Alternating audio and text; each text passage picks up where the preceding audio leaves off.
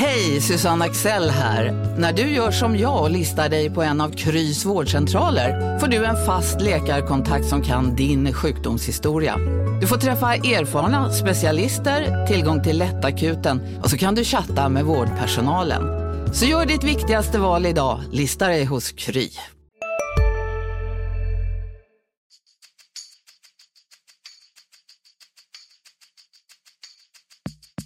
Skönt att komma ut och eh, bara lukta gräset. Så det, är, det är fotboll för mig. Nu är jag här och jag är väldigt glad att eh, kunna spela för det laget som jag har närmast om hjärtat.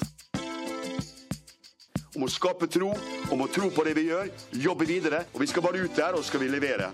Og det skal vi jo. Basta.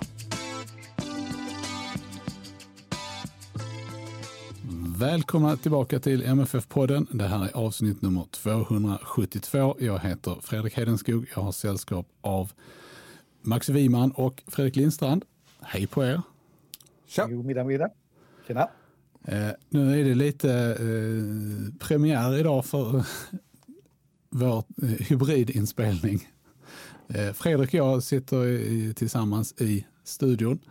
Max sitter på distans, men eh, vi hoppas att det ska fungera bra. Mm. Sen vi eh, hörde senast så har ju eh, det internationella transferfönstret kommit och gått. Ja, det pågick ju redan då. Men eh, det som har hänt är ju framförallt då att Malmö FF har eh, tappat eller eh, sålt eller eh, lånat ut och eh, ska kanske sälja beroende på lite hur man ser det. Eh, Amin Sar och Anel Ahmedhodzic. Och då är ju frågan eh, först och främst egentligen, eh, Fredrik, var, eller vem av, av Ahmedhodzic och Sar är viktigast att ersätta först, så som läget är nu?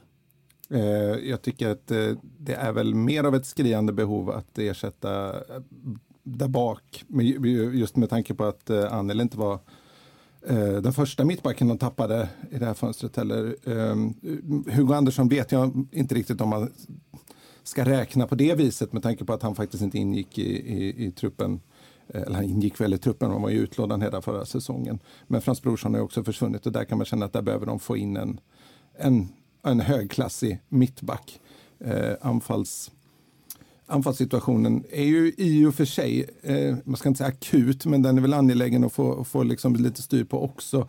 Men där, där känner jag kanske att, att man kan hålla ut en bit till. Man måste någonstans börja bygga bakifrån och då är det bra att ha den organisationen på plats tidigt tycker jag. Ja. Håller du med om detta Max? Ja, nej, jag tycker det är absolut, håller jag med vad Fredrik säger. Det är, samtidigt är det ett problem framåt också, men i vanlig ordning så vet vi ju inte riktigt var Malmö FF står. Och vad det gäller mittbacken så pratas det ju mycket om en tjeckisk spelare som redan, kanske är klar för Malmö FF redan när vi eh, väl får ut det här avsnittet av podden helt enkelt. Det, det kommer ju hända saker för, förmodligen ganska snabbt, för jag tror ändå det är viktigt, framförallt naturligtvis i backlinjen, att det sker ganska snart. För vi ska ju komma ihåg att det är inte så länge till det är kuppspel och kuppen är ju trots allt viktig och någonstans måste man ju sätta ett lag. Eh, det pratade Milos om också, att, att det var viktigt att göra det under träningsläget som, som börjar nu. Mm. Matej Chalus är det vi, vi pratar om, den här tjeckiske mitt som faktiskt fyller år idag. Så det kanske blir, eh, kanske blir liksom någon slags födelsedagspresent för honom att få, få det här kontraktet på plats. Hur många år? Han fyller 24 år, han är född 1980, 1998. Det är svårt att få in det att folk är, är den åldern nu som spelar fotboll. Lagkapten har väl varit i deras U21-landslag tror jag. Om ja. Jag läste någonstans. Mm. Eh, det är som sagt lite hypotetiskt och lyssnarna vet mer förmodligen när, när vi kommer ut här så att säga. Men, men uppgifterna, att vi pratar så här mycket om det är att uppgifterna från klubben antyder att, att, spela, att han var i Sverige i, i går. Utan att de nämnde Malmö FF. Eh, vi ska ju, kan ju säga det också i det sammanhanget att det är alltså eh, onsdag förmiddag när vi sitter här och eh, Malmö FF eh, och Sydsvenskans Jan Jönsson är i talande stund på väg till, ja Janne ska ju inte på träningsläger, men eh, MFF ska. Han ska bevaka det. Ja. Och det är nog bäst att han håller sig till det. Ja, spanska Marbella är det de ska till där. Men det är väl ingen eh, jätteskräll om eh, Chalus ansluter till laget där någon gång de närmsta dagarna kan man väl tänka sig. Om man då, eh, Eh, när vi är inne på eh, behovet av förstärkningar, så att säga, vad, vad betyder då Amin Sars, eller försäljningen av Amin Sar, Max? Ja, det betyder ju att det är tunt, tunt längst där framme just nu kan vi väl konstatera i alla fall. Även om det finns alternativ naturligtvis med Abubakari som, som den, den centrala anfallaren beroende på hur MFF tänker spela. Men, men eh, det är väl för varje dag som går så tycker jag det känns allt mindre troligt att Antoni Colak dyker upp i MFF igen. Eh, så att eh, det, det, det, är klart att det måste ske någonting ganska snart. Sen att Amin Sarr, att det här gick så fort som det gjorde det var överraskande för mig i alla fall. Visst gjorde han en fantastiskt bra höst i Mjällby och vi förväntade, det byggdes upp liksom från alla håll och kanter förväntningar om att det skulle kunna bli något riktigt stort i vår. Eh, och då hade vi kanske rätt känsla så att säga, men, men det är ju ingen som vet riktigt vilken nivå han håller nu, mer än att han är en ex, extremt stor talang naturligtvis. Ja, men det är ju, där är det ju mycket råämne man, man tittar på med honom, just att han eh, de, dels förstås eh, hans insatser i Mjällby som var väldigt imponerande och där man såg eh, liksom, där han någonstans blommade ut lite grann. Men också att han, han har så mycket kvaliteter som på pappret borde kunna bli riktigt, riktigt bra i rätt miljö och med rätt typ av eh, tränare som liksom tror på honom och använder honom på rätt sätt och så. Då. Men just det här att han är, han är stor, stark, snabb, skjuter med båda fötterna, teknisk också. Alltså det, det, det känns som att av vad som kommit fram med MFFs ungdomsledare de senaste åren så är han liksom på pappret klart intressantast tycker jag. Eh, och, och liksom, det, det skulle inte förvåna mig om han inom några år spelar i en, en betydligt större liga än den holländska. För att, så att utvecklingen går åt rätt håll. Men eh, det är så mycket som ska vägas in där också när MFF eh, låter en sån här spelare gå. Då, är ju att de kanske inte bedömde riktigt att han skulle funka så bra i Milos spelsystem då i ett 4-3-3 där han sannolikt inte hade kanske fått vara den här centrala pjäsen utan fått hålla till mer på en kant. Milos sa väl det, det var väl, det var, jag kommer inte ens ihåg allt vad du sa, men eh, att, att han såg honom som en av två anfallare i ett, ett tvåmannaanfall och det är ju inte det primära spelsättet eh, som MFF kommer använda. Även om det säkert kommer bli en 3-5-2 lite här och var också. Men... Men sett till hur det har sett ut, eh, Amin Sars karriär hittills så att säga, så känns det ändå, alltså han har ju spelat väldigt lite i Malmö FF. Mm. 18 matcher tror jag det var förra, första, första året under Tomasson där. Men det var ju mycket inhopp och det var inte så många starter och det var inte så många starter på rätt position heller. Eh, men om man eh, gräver lite djupare där, vad, vad, vad, tror du Max? Eh, håller du med Fredriks resonemang här kring, kring spelsystem och, och roller? Jag tycker det är svårt och det, det är ju tidigt eh, eh nu att säga något eftersom Malmö har spelat en match nu och det var en halvlek med något som liknade ett ordinarie ett hyfsat ordinarie lag så att säga. Så det, det, det, det är väldigt, väldigt svårt. Och det är lite svårt också att pricka in kanske exakt vilket som är Amin Sars bästa position och i vilket system han passar bäst faktiskt. Eh, så att eh, det är klart att det har säkert funnits sådana resonemang när Malmö släppte honom. Eh, Sen handlar ju allt om avtal. Vi vet ju väldigt lite. Det var ju många som ropade att det var alldeles för billigt han gick. Men vi vet ju inte vad som är den slutliga summan och vi vet inte vad som finns i form av försäljnings, vidareförsäljningsklausuler eh, som kan betyda väldigt mycket framöver. Så att det, det ja, knepig sits, men det hade ju känts bättre i magen att, att, att Amin Sarri hade fått chansen under våren att utvecklas och se var han kom i Malmö FF kan man ju känna. Mm. Nej, men det är, det är precis, det blir mycket spekulationer, men han har ett, hade ett kontrakt då till 2023 med Malmö FF och det kan ju varit att han var väldigt tydlig att han inte hade någon ambition att förlänga det kontraktet. Och då skulle MFF om ett år inte kunnat fått jättemycket pengar för honom. Eh, även om just hans typ av kvaliteter, speciellt efter en lyckad allsvensk säsong, ändå hade inbringat bra pengar. Liksom. Det kan man nog vara ganska säker på. För att den typen av kvalitet gör det eller den typen av egenskaper gör det. Men eh, det kan hända att man bara helt enkelt såg läget som mest gynnsamt nu att sälja eftersom han inte ville förlänga. Men annars hade ju kanske liksom man kunnat tänka sig att i, i en optimal situation att man förlänger till 2025 och eh, liksom halvgarantera då någon slags försäljning om ett år i, i en optimal situation. Både för klubb och, och kan jag faktiskt tycka spelaren också. Man kan egentligen känna att man ska nog ha levererat mer i allsvenskan för att liksom vara säker på att det blir rätt steg att ta. Ja, alltså det är just den här eh, eh relativa, eh, eller det faktum att han har, ändå har hunnit visa relativt lite, det gör ju också att jag känner i alla fall att det är svårt att invända mot, mot prislappen. Den prislapp som har angetts, det vill säga drygt 20 miljoner. Ja, och sen hintade väl Georgsson lite i intervjun här med Kent Leon Jönsson att, eh, äh, att, att, den siffran som har nämnts då kanske lite under vad som egentligen har varit. Och sen så är det ju som, som Max också säger, det, det är klausuler som, som vi inte känner till här nu. Men om man då, eh, om vi går över eh, till, till Anel Ahmedhodzic så kändes det ju, han, där gjorde man ju precis den här varianten med att förlänga kontraktet innan eh, det som då i nuläget är en, en utlåning blev klar. Eh, var, varför gör man så? Det, det, det, var ganska intressant det som skrevs i samband med den här övergången som en dansk eh, fotbollsexpert som heter Sören Sorgenfri skrev på en eh, blogg som han har. Eh, just hur Bordeaux inte har några pengar att eh, de, de, de, har eh, efter år av ekonomisk misskötsel liksom en, en, en kommitté fransk, utsedd av Franska fotbollsförbundet som granskar deras affärer och där är det ju då som gäller. De får inte sälja, de får inte köpa för mer än vad de säljer för. Eh, och då blir ju den här typen av lånedealar eh, bra för dem. För till sommar så tickar franska tv-pengarna in och det är väldigt mycket pengar. Eh, men då, då var, fanns det en, en, en, spelare från Brönnby som de var sugna på och han hade, eh, han hade ett kortare kontrakt då. Och då, då kan det ju bli så att om det här lånet inte tickar in till sommaren, då återvänder en spelare med, med liksom ett halvår kvar på kontraktet.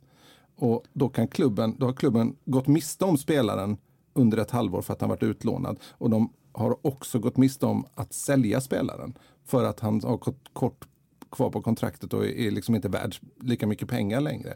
Och där, där, därför har ju MFF ett skyddsnät då att de, om man eller Ahmedhodzic eh, inte uppfyller eh, så att de här klausul, eller den här optionen tickar in. Då. Det kan ju vara, jag antar att det har att göra med att om, om Bordeaux åker ur så, så måste han inte spela kvar där. Och, och, och om Bordeaux inte är nöjd med honom att han inte spelar några matcher då, att de inte måste spela om han inte uppfyller, ja, vad kan det vara, säg 15 matcher eller något sånt där. Och, och, att då MFF, då kommer han tillbaka till MFF på ett långt kontrakt. Antingen om de försöker sälja honom direkt eller om han spelar ett halvår till och så gör man ett nytt försök nästa vinter. Då. Det hade varit värre om det kontraktet gick ut 2023. Då hade man ju förlorat pengar på det på ett annat sätt. Jag tror det var en förutsättning nästan för att de skulle gå med på den här dealen att, att Anel förlängde faktiskt. Och sen så kanske man ger honom credden för att, att han var schysst mot klubben och gjorde det.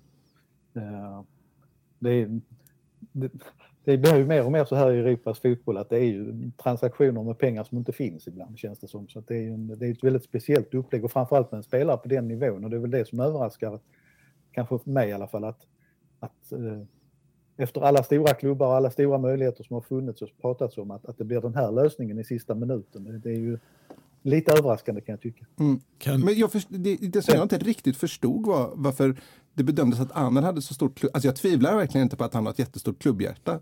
Det, det tror jag absolut han har. Eller det, har, det har han ju visat flera gånger om, så det finns ju inga tvivel om. Men just den här förlängningen, att det skulle vara ett sånt bevis på eller det. Det är väl varken till eller från för honom att förlänga kontraktet, egentligen. Det är inget alltså, som ska... Det var, det var på något sätt bara genom lite cred att man uttryckte det så. Det, ja, det var jag en... tycker snarare det är cred till Georgsson som gör en bra deal där, just i, de, i den aspekten. Sen var det ju intressant, precis som det Fredrik pratade om, just det här med, med vad han Sören Sören Fri skrev om och det här, alltså upplägget med den här danske mittbacken och någon annan spelare som de förhandlade med var ju tydligen exakt detsamma så att säga. Så att det var ju inte, det var ju ingen unik lösning för Malmö FF på något sätt utan det är ju att de är i trängt läge uppenbarligen Bordeaux och måste förstärka men har inga pengar. Så det, det är ju lite ovanlig situation. Mm. Men Max, jag måste fråga dig eftersom eh, det har ju trots allt varit år av spekulationer kring eh, Anel Ahmedhodzics framtid. Eh, både vad gäller destination och pengar till Malmö FF. Då känns det här lite som, jaha, var det detta som det blev? Ja. Nej, men det, det, jag kan ju tycka så här, jag tycker som sagt det är mest märkligt ur hans egen synvinkel egentligen. För att eh, om man tittar, alltså det är så svårt för nu sitter vi återigen och diskuterar avtal som, som vi inte egentligen vet. Utan vi, vi får lita på siffror som nämns. Jag ser någonstans då för att fortsätta på den tråden att det pratas om 47 miljoner som kan bli 60 beroende på vissa, alltså det kan ju finnas inskrivet om han spelar ett visst antal matcher och sånt här. Det pratas också om att det finns en vidareförsäljningsprocent på 20 eh, och det är alltså väldigt högt om det skulle vara så. Det kan ligga på 10-12 vad jag förstår ofta. 10-15 i bästa fall. Så att det är ju en helhet där också som man får fundera kring. Eh, och att priset har gått ner det beror också på att Annels kontrakt, även om det förlängdes i sista stund, har ju gått, blivit kortare så att säga. Så för ett mm. år sedan var det ju ett litet annat läge. Vinterfönstret är då också speciellt eftersom det är ett panikfönster för klubbarna ute i Europa. Eh, de blir inte lika organiserade där nere. Så det finns väldigt mycket att, att fundera kring där tycker jag. Mm. Och sen, sen ska ju till den här prislappen också så kan eh, så i alla fall vad jag kunnat titta så betalar ju också Bordeaux en låneavgift på, vad kan den ligga mellan 5 och 10 miljoner ungefär. Så det, ju, det, ska ju också adderas in i, i, i helheten där. Men Fredrik, Sen tror jag också man måste se, eh, jag vet också att den här diskussionen, alltså, vad har det betytt att Anel har varit kvar så länge som han har varit? Hade MFF vunnit SM-guld och framförallt hade man nått Champions League och därmed nått Champions League-kval och hade man fått in de 200 miljonerna hade man gått till Champions League-gruppspel utan Anel Ahmedhodzic. Jag är inte säker på att man hade gjort det. Eh, så det, det, det, det, är liksom, det är lite mer komplext egentligen än att bara titta på en övergångssumma. Eh, eh, jag bedömer det som att Anders betydelse har varit väldigt stor både vad det gäller att man gick till Champions League och att man vann SM-guld. Mm. Sen är det en helt annan fråga, den här mekaniken att, att på andra sidan sundet att skillnaderna gentemot FC Köpenhamn och andra klubbar där i Danmark är så enormt stora som de är. Mm. Jag har lite svårt att förstå hur det här kan fortsätta och fortsätta och fortsätta. I, eh, att, att, att, det kan vara helt olika divisioner ja. och spelare på samma nivå. Det är väldigt, eh, det håller jag med om, det, det, det är fascinerande att det kan eh, skilja så här. För att eh, man, liksom, man tittar på de här affärerna så är det ju det, det, är ju någonstans ungefär samma affärer som, som det, det är inga dåliga affärer i, i, sig, men det är också samma affärer som MFF gjorde för sju år sedan ungefär. Det är inte en jättestor skillnad i, i prislappar och, och liksom man bedömer i vilket skede de släpps och så vidare. Liksom. Och så, så vänder man blicken över sundet och så tittar man på FCKs två då, egna produkter, Jonas Wind och, och Mohamed Darami, som alltså går för 125 miljoner kronor var.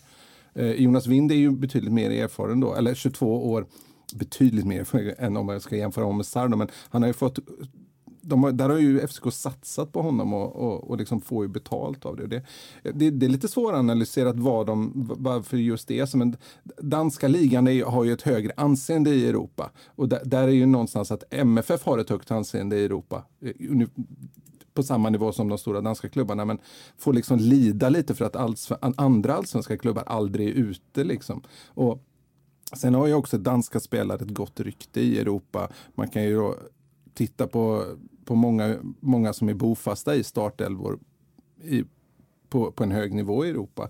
Alltså man vet någonstans att det är en garant för här får vi en bra spelare. Medan svenska, generellt har ju svenska spelare kanske inte riktigt samma track record ute i Europa. Det blir mycket bänk och, och så vidare. Det kanske tar lite längre tid på sig innan de blir, blir färdiga och, och sådär.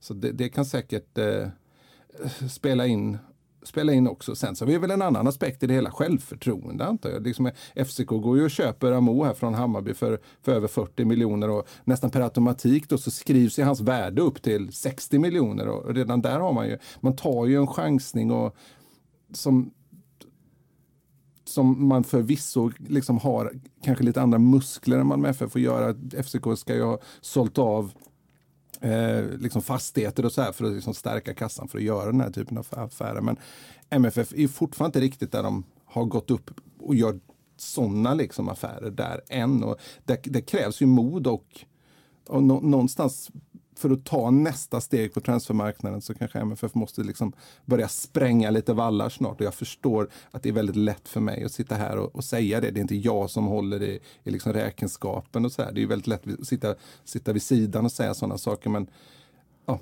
det, det, krävs väl egentligen att Sverige som helhet, inte bara Malmö FF, men Malmö FF måste gå först i ledet, för det gör de alltid i stort sett. Eh, och liksom spränga lite vallar helt enkelt.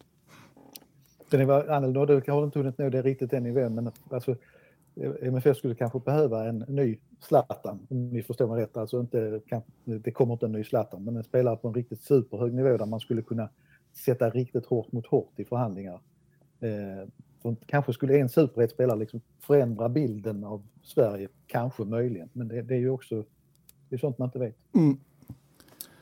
Nej, precis, men det, det, är ju, för det är ju, det, det är ju fascinerande att liksom att Danmark skickade iväg en 19-åring till Ajax för mer pengar än vad liksom Sveriges största försäljningar någonsin har varit.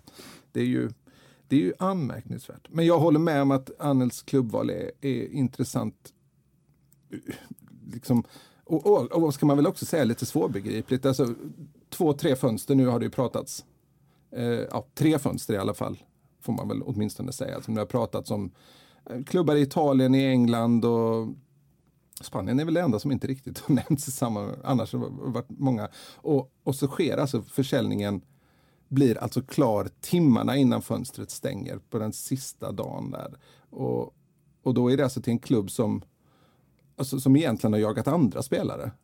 Ganska öppet ändå. Phil Jones i Manchester United var ju tydligt om vad, det, det liksom och som dessutom liksom inte i nuläget kan betala för affären heller. Det, det... Nej, och som också är eh Alltså, det är ju en sportslig risktagning också. Ja, precis. De, det är ju inte alls givet att de, Nej. att de klarar sig kvar och fördelar de här tv-pengarna. Nej, precis. Och det är också man kan ju då säga liksom att Bordeaux, klassisk klubb och här kan han få speltid. Speltid har ju varit väldigt noga för Anel Ahmedhodzic. Han har pratat mycket om att han vill få speltid för att kunna utvecklas. Så det, det talar väl mycket för att han kan få, men alltså, det är ju ena sidan av myntet. Men om man tittar, hur bra brukar det vara att gå till kaosklubbar? Även om man får chansen. Det, det kan ju också, det kan ju också bli helt fel. För man kan få chansen i, i en klubb där som fortsätter släppa in jättemycket mål. Det är inte så att det är väldigt sällan en klubb som har stora strukturella problem och stora ekonomiska problem räddas av en enskild spelare på det viset, utan det, det ska ju mer till. Det kan säkert göra stor skillnad i enskilda matcher, men över det är mycket kvar av säsongen. Och Ja, det, det finns definitivt frågetecken. Jag hoppas ju för Arnels skull att, att han lyckas bra. Det, vilket ju, man önskar ju honom välgång såklart. Liksom. Men det, ja, nej, svårt att förstå den röda linjen i det, i det steget. Sen eh, om man tittar på fönstret i stort i vinter här också, det som har hänt, så eh, jag vet inte riktigt hur MFF ska se på det, men man ska väl se det med en viss stolthet att Arnel som kom som sexåring till föreningen i bollskolan. Frans Brorsson som då hade utgående kontrakt eh, kom som 14-åring eh, och går nu till Cyp gick till Cypern. Eh, Amin Sarr då till Holland. Kom förvisso som 18-åring till MFF men är ju fostrad lokalt. Och så har vi även, man ska inte glömma bort Hugo Andersson som också är från den egna akademin som kom till Malmö FF som 12-åring och, och nu går vidare ut i, till spel i Danmark. Eh, det visar ju en del för framtiden och eh, också kan höja unga spelares intresse framöver helt enkelt. Jag tror man måste räkna in det i betydelsen också. Men nu eh, ska Max bryta in med breaking news här mitt under inspelningen.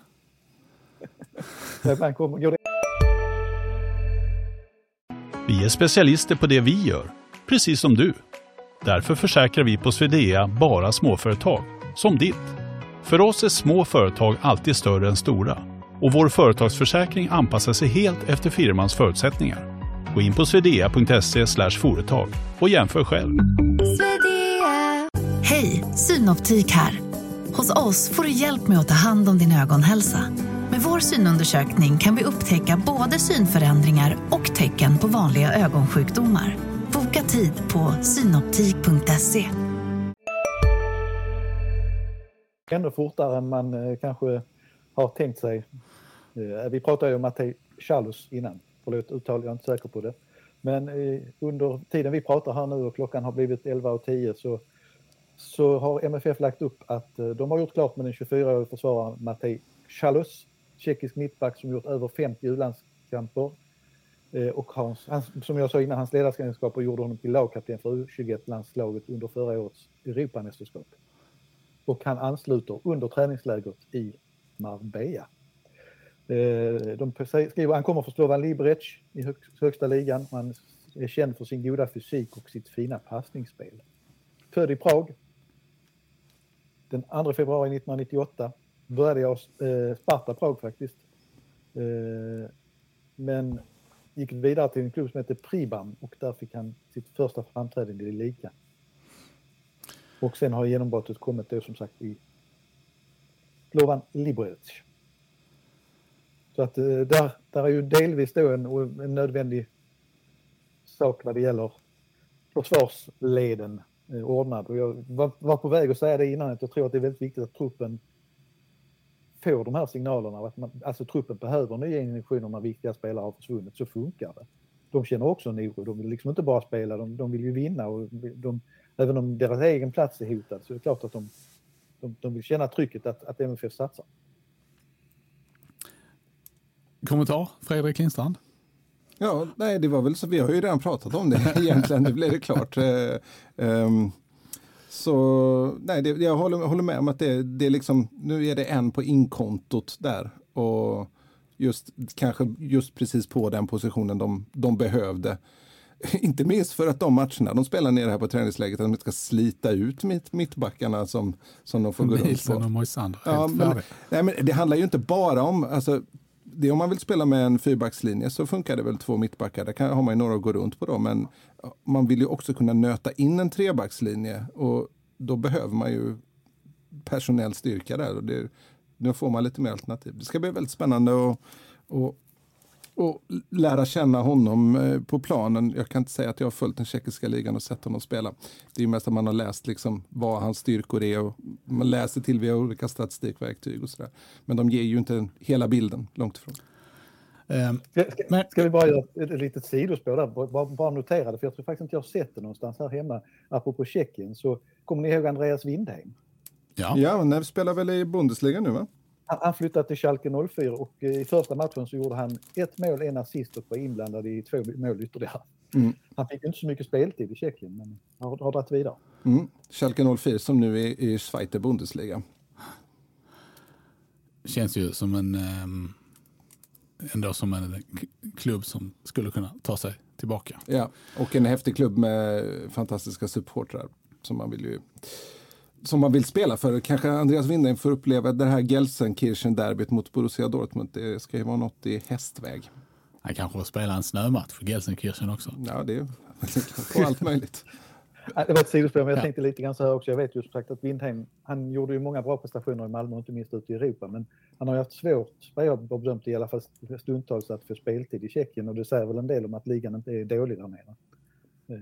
Om man nu ska göra någon sorts bild av mm. det nyförvärv som MFF har gjort nu. Mm. Jag tror, alltså jag tror det är otroligt viktigt, jag tror man ska trycka på det, att, att de får in spelare nu direkt här. För, eh, Andreas Georgsson är ju en öppenhjärtig man, men jag märker att han har ju redan fallit in i vissa saker, att eh, det är viktigt att säga om att truppen är fantastisk och så vidare. Jag tror väl alla har kunnat se att den har haltat lite uppställningsmässigt med de spelare som har försvunnit. Och de är, man åker på läger med ny tränare och som sagt snart är det kuppspel så visst är det viktigt att fylla på. Jag tycker MFF är sånt man kan iaktta lite i, i, i sin roll som journalist kanske. Men jag tycker MFF är skicklig i hur de kommunicerar kring den här typen av övergångar. För så, så säljs Sar och så säljs Ahmedhodzic och så tycker folk generellt att eh, det här var alldeles för billigt. Efter, eh, och så blir det upprört några timmar och sen går MFF ut på eh, sin hemsida med en eh, Georgsson-intervju där Georgsson pedagogiskt för egentligen inte säger så mycket alls mer än att vi har koll på läget. Liksom. Vilket ju såklart är ett budskap som MFF vill få ut. Och helt plötsligt så svänger opinionen. Då är det liksom ja, det, mycket bra affärer. Vilken, vilken fantastisk klubb det här är. Det, det, det, går väldigt fort där att, att vinna över dem. Det, det, det, det, det, det, ja, det är skickligt. Jag tror det kommer att forskas på sådana här saker ändå, liksom hur, inte minst föreningslivet men även andra verksamheter förändras av att kommunikatörer eh, och intern eller kommunikation inifrån, eh, hur det påverkar bilden. Mm. Um, nu har ju, är det ju två eh, egna spelare så att säga som har sålts, ja, plus då Hugo Andersson.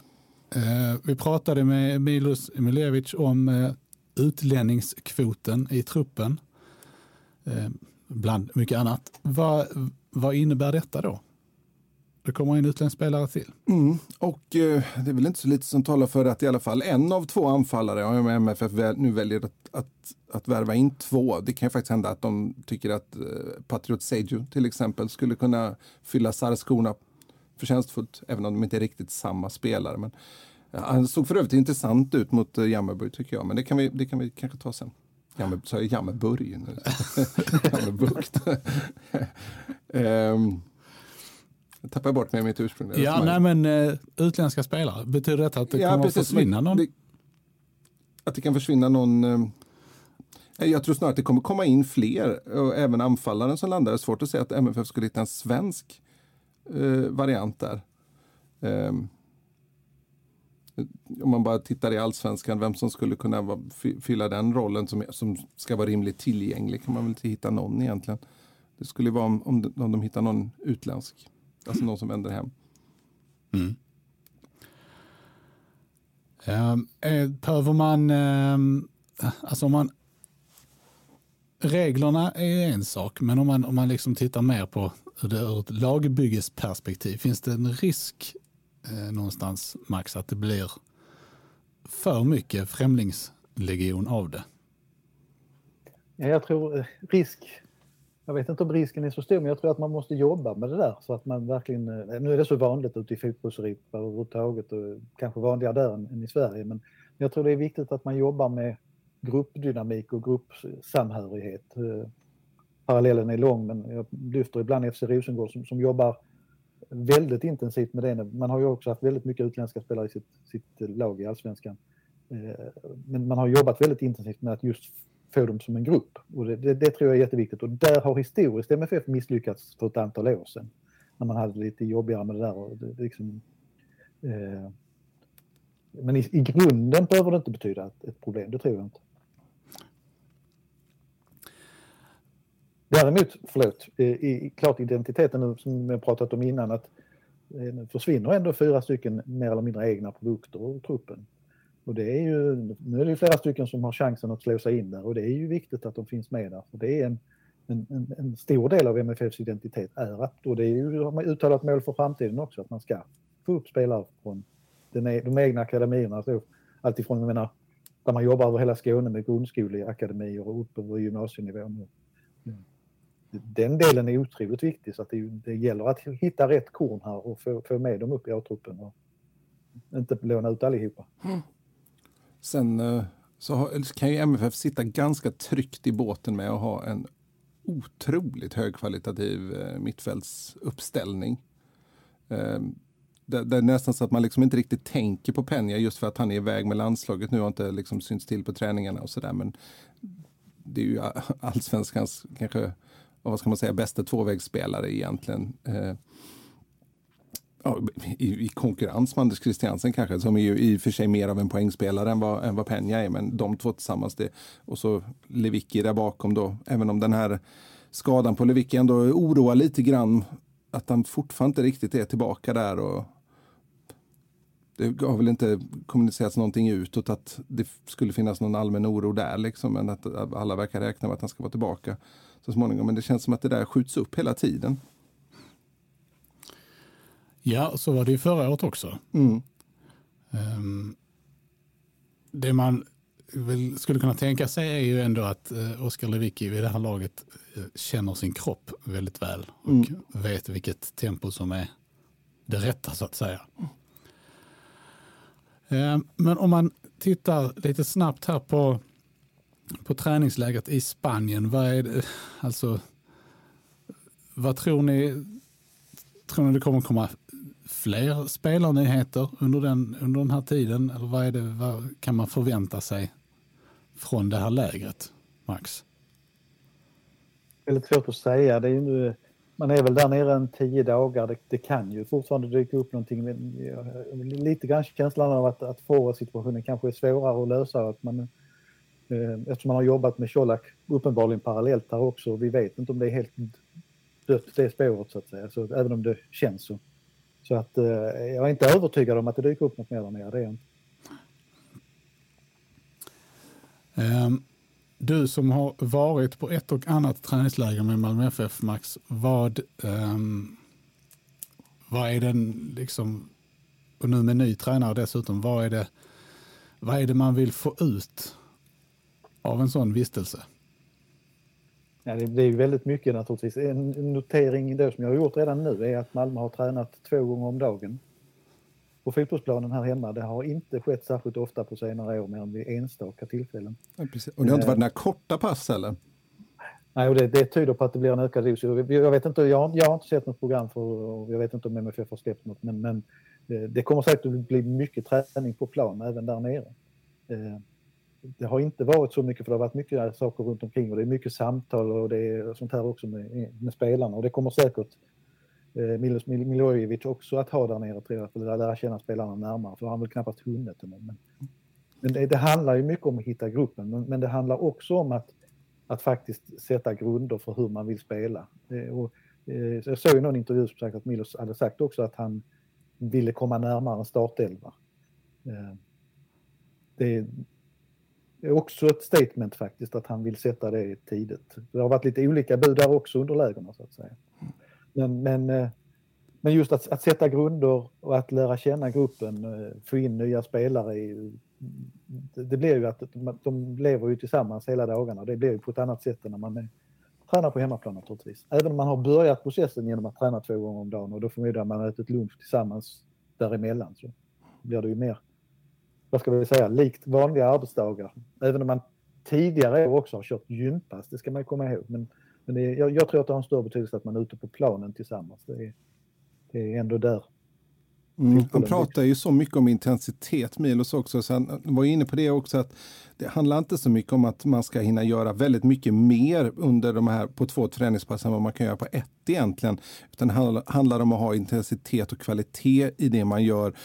Försöker du hinna med, han, han sa, han gjorde någon liknelse som jag inte kan komma på nu, men den är, det går väl ungefär ut på att om du tränar i två timmar en gång om dagen så du, du hinner inte med då hinner du med ett visst antal saker och det, du kan inte begära mer av spelarna. Men delar du upp det på två så kan du få, du gör ungefär samma saker men du får väldigt mycket mer kvalitet i de sakerna du gör och det är ju det han är ute efter. Och, ja, lite intressant att se honom på träningen. Det är alltid, alltid inte kunnat se så många träningar som jag hade hoppats på nu på grund av lite karantänstillvaro. Då. Men det, det man har sett så är han ju det är en oerhört engagerad tränare som eh, liksom skäller ibland och liksom engagerat instruerad och är ute på plan och flyttar koner och, och, och liksom instruerar väldigt noggrant med spelarna och, och, lämnar väl kanske inte så mycket till eh, de assisterande tränarna som jag upplevt eh, tidigare. Och han är också med på vissa ruscher och och springer vid sidan av med spelarna. Och så här, det, det, såg man ju inte direkt Jon Thomasson göra. Men eh, eh, det var alltid fascinerande att se vilken, vilken typ av... Det är ett jäkla engagemang han kommer in med. Det har varit lite olika approach. Jag minns ju när, när eh, eh, Magnus Persson kom. Det, hade, det var det ju taktiktavlan framme redan nere i Spanien, alltså ute på planen och mycket snack så att säga.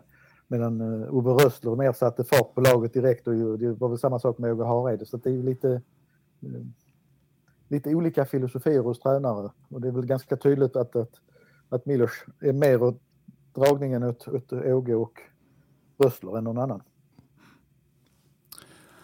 Jag tänkte också att vi avslutningsvis eh, innan vi rundar av ska prata om den match som MFF faktiskt har spelat mot Jammerbukt, som det heter. Inte lätt. um, där det, uh, så länge MFF uh, eh, hade ett mer ordinarie lag, uh, rullade på ganska bra. Vad, vad, vad var dina intryck av den matchen, Max? Nej, men det fanns väl i första halvlek, alltså Jammerbukt kändes ju direkt som att det var ju inte ett, ett sådär väldigt imponerande lag, det visste vi kanske på. Nej, men man har å andra sidan sett MFF i de här tidiga matcherna Ja, liksom bli eh, utspelade av främmande armar och sånt. Ja, nej, men helt rätt. Nej, men jag tyckte man fick se positiva tendenser. Jag tyckte att Anders Christiansen eh, var väldigt aktiv och mycket aktiv med långa passningar. Jag så- tyckte man, man se en överhuvudtaget ett rakare spel upp, snabbare spel upp och inte lika mycket duttande i backlinjen som det stundtals var i fjol. Eh, och sen tycker jag att de unga spelarna i ett par, alltså Nanasi var väldigt rolig att se. Och jag tyckte också att Seydou, uttalar jag det rätt nu? Sergio. Vi får, vi får utreda detta. Pat- Patriot säger att han eh, stundtals liksom visade eh, mer än vad jag trodde att han skulle göra med tanke på att en brokig bakgrund med utlåning och skada i fjol och alltihopa. Eh, Så att de unga där, som, det- där fanns det ju en hel del att, att ta fasta på, tycker jag. De var ju dessutom synnerligen involverade i målen. Och eh, även Erdal Rakip tyckte jag gjorde ett bra intryck på mittfältet med en del öppnande passningar. Sen det som händer i andra halvlek tycker jag är lite, även om det är unga spelare så blir det lite för dåligt om jag ska uttrycka det så. Jag fick ingen uppfattning riktigt om hur mycket motståndarna roterade i den matchen. Nej, man hade inte riktigt koll på hur de startade heller. De bytte ju en del, det gjorde de. Eh, jag fick ju känslan av att deras lag blev bättre faktiskt efter ju mer de bytte. Det kan ju ha varit så också. Eh, de har ju väldigt många unga spelare överhuvudtaget. Eh, Fredrik, har du några, några insikter att förmedla från den matchen? Nej, men mina, mina slutsatser är väl att man inte ska dra så stora slutsatser av en, en sån januari-match. Det betyder oftast ingenting egentligen. Eh, kanske då att man, eh, i och med att det är en ny tränare då, att man kanske skulle sett lite hungrigare ut i andra halvlek för att verkligen visa upp sig och sådär. Men samtidigt, jag tror den, den, det, det ska egentligen ses som ett träningspass mer eller mindre. Utan det, det, jag tror man kan, dels kan man nog säga mer om de träningsmatcherna på, som kommer nu på, på lägret då. Eh, och, och sen är det kuppen som, som framförallt gäller. De matcherna som MFF ska spela i Spanien är ju då alltså mot eh, Lokomotiv Moskva eh, på fredag den 4 februari och mot Krasnodar eh, på lördag den 12 februari. Och det är väl eh, motstånd som kommer ge en annan, som är värdemätare på ett annat sätt kan man säga. Eh, Ja, men det blir Ja. spännande att se. Det blir viktigt att få med sig den typen av matcher in i säsongen. Jag vet inte om det kan ge en liten skjuts för Svenska Kuppen. MFF eh, gick ju in i Svenska Kuppen förra året utan ett försäsongsläger och ja, vi vet ju alla hur det gick i gruppspelet det året. Även om jag tror att nog MFF ska kunna reda ut ett, ett gruppspel i kuppen utan att eh, ha varit på träningsläger. Man ska hålla den kvaliteten. Det är väl mer egentligen en inställningsfråga. De, Jag tycker just med en ny tränare också, om vi bara ska tangera det här med kuppen så är det väldigt viktigt att göra ett avtryck i kuppen direkt och inte börja med ett sånt misslyckande som det var i fjol. Där det var så tamt och, och dåligt. Nu var det inte med ny tränare ska sägas, men det var, det var så oerhört tamt och trist och dåligt så att eh, Mm. det vill ju ingen se igen. Men det var så märkligt också för att det, det var ju för sig följt den tråden några gånger men just det här att man inför kuppen så gärna pratar om att ja, man vill vinna den och det var så länge sedan och det är viktiga tävlingsmatcher för, för att senare under hösten när man påpekar om när man vill liksom det, det var ju ett narrativ där av att eh, många MFF var irriterade över att de hade fått kritik eh, under perioder då för att de tyckte att de inte förtjänade det. Det hade gått så bra och, och på försäsongen, man ska inte dra så stora växlar av det, det är bara träningsmatcher och så vidare. Då heter det att det bara är träningsmatcher.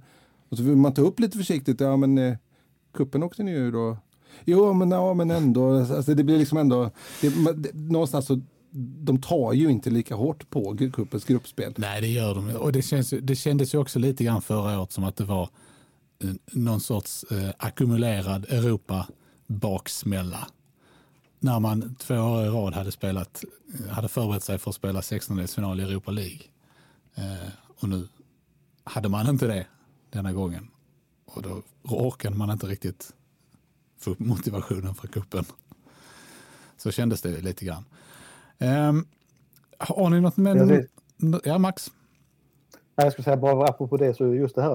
Eh, det är som Fredrik säger, man ska inte dra stora eller bara några växlar egentligen på den första träningsmatchen. Men den första halvleken tyckte jag ändå gav, eh, gjorde mig mer spänd på vad jag får se i nästa match om jag uttrycker så. I och med att eh, sättet att spela kändes lite, lite rakare, lite mer intensivt på det sättet. Eh, men fortfarande med den höga pressen som blev Jonas Tomassons signum, men inte, inte lika omständligt kanske i uppbyggnaden. Och det är någonting jag gärna vill se, att det, att det går lite fortare framåt.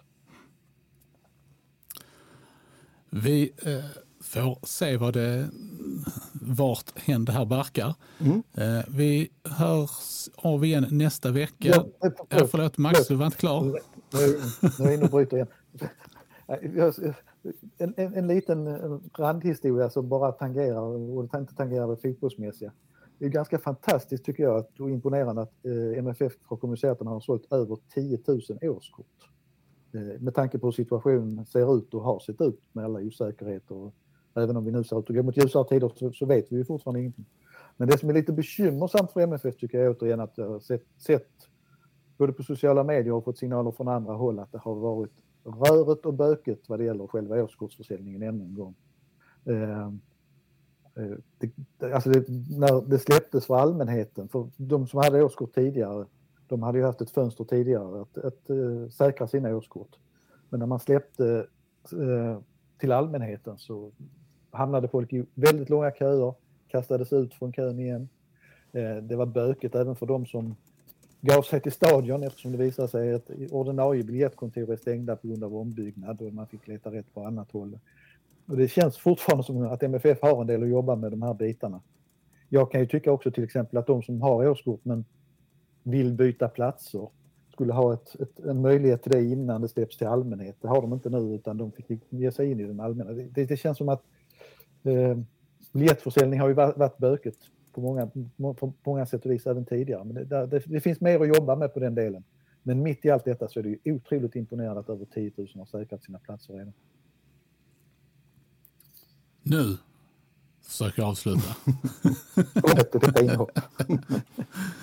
Eh, ja, vi hörs av igen nästa vecka. Då kommer MFF att ha spelat en match mot Lokomotiv Moskva och då ska vi också försöka få med oss eh, Eh, Janne Jönsson från Spanien så att eh, vi kan få lite ögonvittnesskildringar eh, från detta.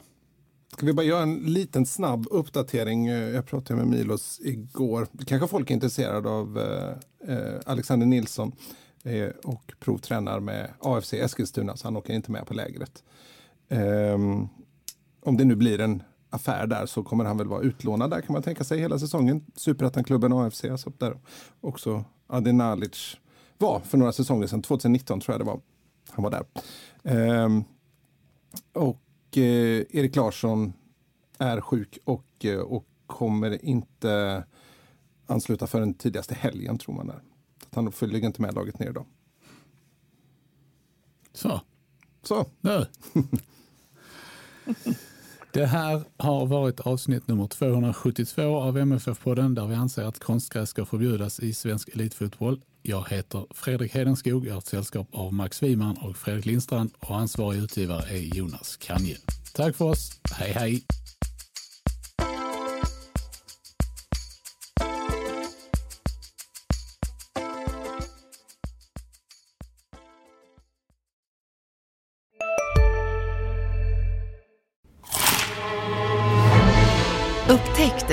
Vackra ljudet av McCrispy Company för endast 89 kronor. En riktigt krispig upplevelse. För ett ännu godare McDonalds. Ska några små tassar flytta in hos dig? Hos Trygg Hansa får din valp eller kattunge 25% rabatt på försäkringen första året. Läs mer och teckna djurförsäkringen på trygghansa.se. Trygg Hansa, trygghet för livet.